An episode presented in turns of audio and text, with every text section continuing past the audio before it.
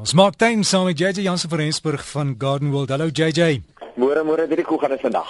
Met my sonskyn in Johannesburg. Ek weet nie ander dele van die land iemand het Kosie baie gesê vanoggend is regtig uh, potjie kos weer binnekant nie buite nie. So maar maar JJ juis met van die van die klimaatsverandering hierdie tyd van die jaar by die see, party plekke baie reën gehad in die binneland ook. Iemand daar vra hulle ivy blare roes, wat kan hulle doen? Ja nee, definitief kyk jy hierdie tyd van die jaar ongelukkig met al die reën wat ons gehad het, sit ons nou met al die nagevolge van die reën. Die reën is natuurlik baie lekker, maar as dit so konstant so lank gereën het, dan beteken dit dat ons verskriklik baie fungusse kry. En natuurlik die fungusse het net 'n paar ure ekstra vogtigheid nodig om te ontwikkel en floreer. Jy weet so as jy 'n tuin afspuit, moenie dink jy versprei fungusse nie. Dit is gewoonlik as dit 'n paar ure langer nat bly wat jy eintlik daai probleem het. Nou vir jou ivy gewoonlik is jou ivy verskriklik dig. Hy's baie groot, hy's oorgroei. So hier moet 'n mens 'n sistemiese fungusdoder gebruik. Ek praat hierso van die Kronos, die Mycogard, ek praat van die Aureus, ek praat van die ou Funginex. Daar's verskeie tipes sistemiese fungusdoders beskikbaar.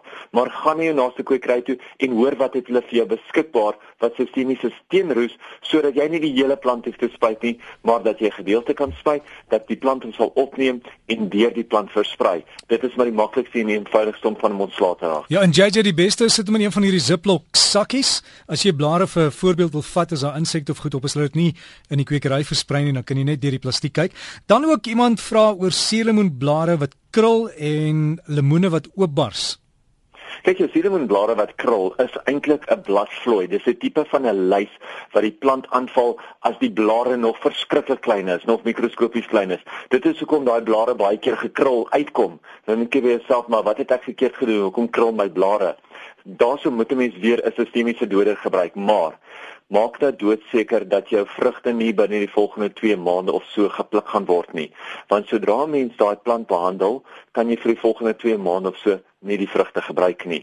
Andersins wag terwyl die vrugte klaar gedra het en dan kan jy behandel. Een van die maklikste produkte is 'n produk met naam van Complete, soos kompleet in Engels.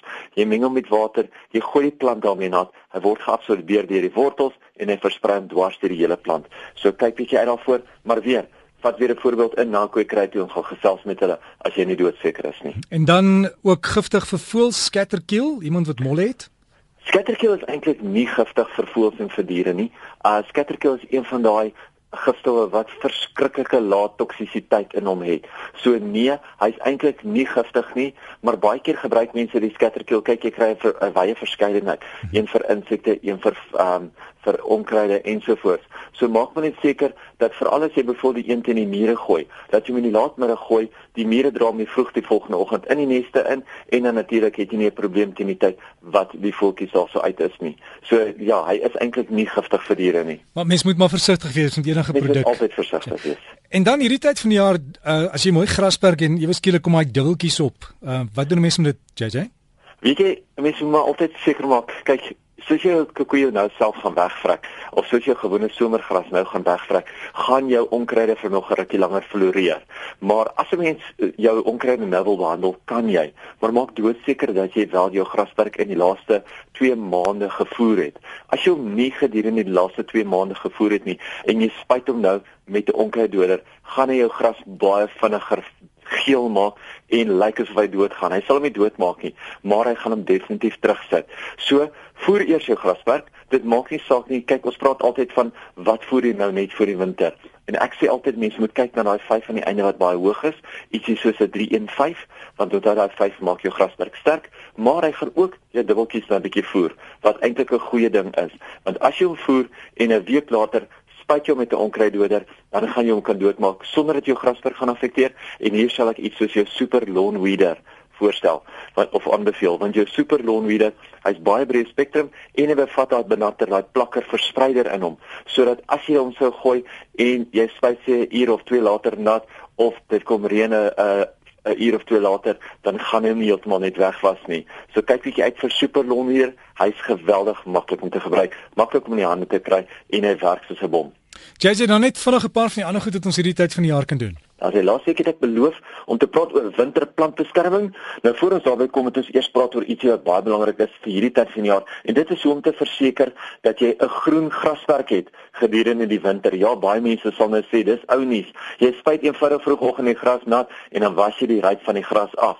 Maar daar is 'n baie makliker manier. Het jy al ooit gehoor van oorsaaiing? Nou oorsaaiing is eintlik 'n baie algemene praktyk wêreldwyd, veral in Europa en Amerika en dit moet tog behoorlik posvat in Suid-Afrika.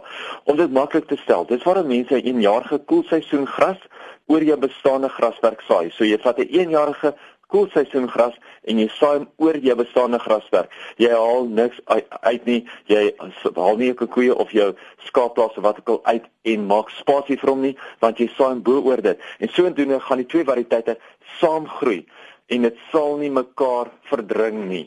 So soos jy somervariëteit dan nou wegvrek of dormant raak vir die wintermaande, gaan jou koelseisoen dan oorneem en gaan hy natuurlik vir jou 'n immergroen grasperk gee. Dink net hoeveel beter en groener gaan al daai dooie en droë gedeeltes van die land wees as ons kan verseker dat ons eintlik groen grasperk het. Ek praat gister met 'n kliënt van Bethal en volgens hom voel dit partykeer asof hulle 9 maande se winter het en net 3 maande se somer. So jy kan nou dink hoe vergroen en hoe beter gaan daai areas kan bly. Wintergreen is natuurlik 'n baie goeie voorbeeld van 'n gras wat 'n mens so bo-oor en tussen jou somergras kan saai. Maar gaan selfs met jou naaste kwekery, hoor wat het hulle. Gelukkig is hierdie tipe van oorsaaiing nie baie duur nie. 'n Mens betaal baie baie minder daarvoor as wat 'n mens sou betaal vir jou gewone grassaad wat 'n mens kan saai.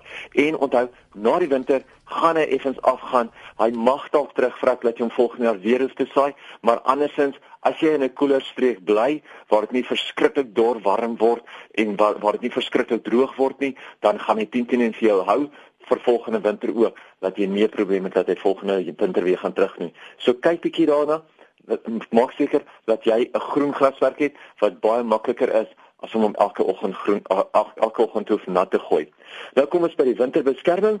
Nou min mense besef dat die plant se krag eintlik in sy wortels sit, nie in die blare takke of in sy blomme nie. Wat beteken dit vir ons?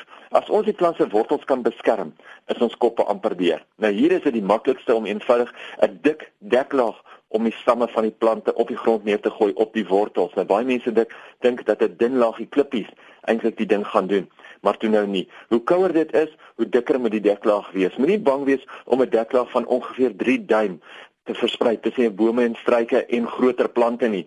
Want baie keer kan 'n mens ook 'n 2 duim deklaag oor jou gronddekkers gooi. En na die winter kan jy dit afhaal, eenvoudig terugsny en jou gronddekkers sal sommer weer vinnig teruggroei. Die tweede manier natuurlik om jou plante te beskerm is om hulle gereeld nat te gooi. Ja, water vries wel vinnig, Maar as jy jou plante vroeg in die oggend nat gooi en die plante se wortels genoeg kans gee om die water op te neem, sal die koue temperature en die winde nie so groot effek op die plante hê nie. So maak seker dat jy jou plante wel gedurende die winter nat gooi. Dit gaan wel minder wees, dit gaan in die oggend wees, maar hulle moet nog steeds sy volvlak kry. Die derde manier en natuurlik ook seker die, die bekendste is om jou plante toe te maak met 'n rypdoek of 'n gooiensak.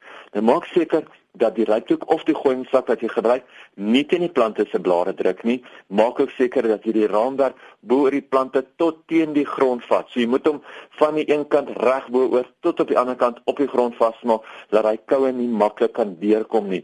Onthou, meeste van ons koue daal en dan sak hy kant toe of die winde wat ver, verbykom waai eintlik weer en hulle brand die plante. So dit is baie maklik hoe mense daai gevoelige plante kan beskerm vir die wintermaande. Ja, jy gaan nie al jou plante kan beskerm nie. Onthou, as jy mense tropiese plante in 'n baie koue area plant, is die kans dat jy baie van hom gaan verloor, is dit natuurlik daar. Maar vir daai plante wat elke jaar 'n klein bietjie seer kry en dan moet hulle weer teruggroei in, in die somermaande, jy kan hulle beskerm en jy kan hulle net 'n kans gee om vroeër sterker vinniger te begin. So JJ, mense wat jy wil e-pos?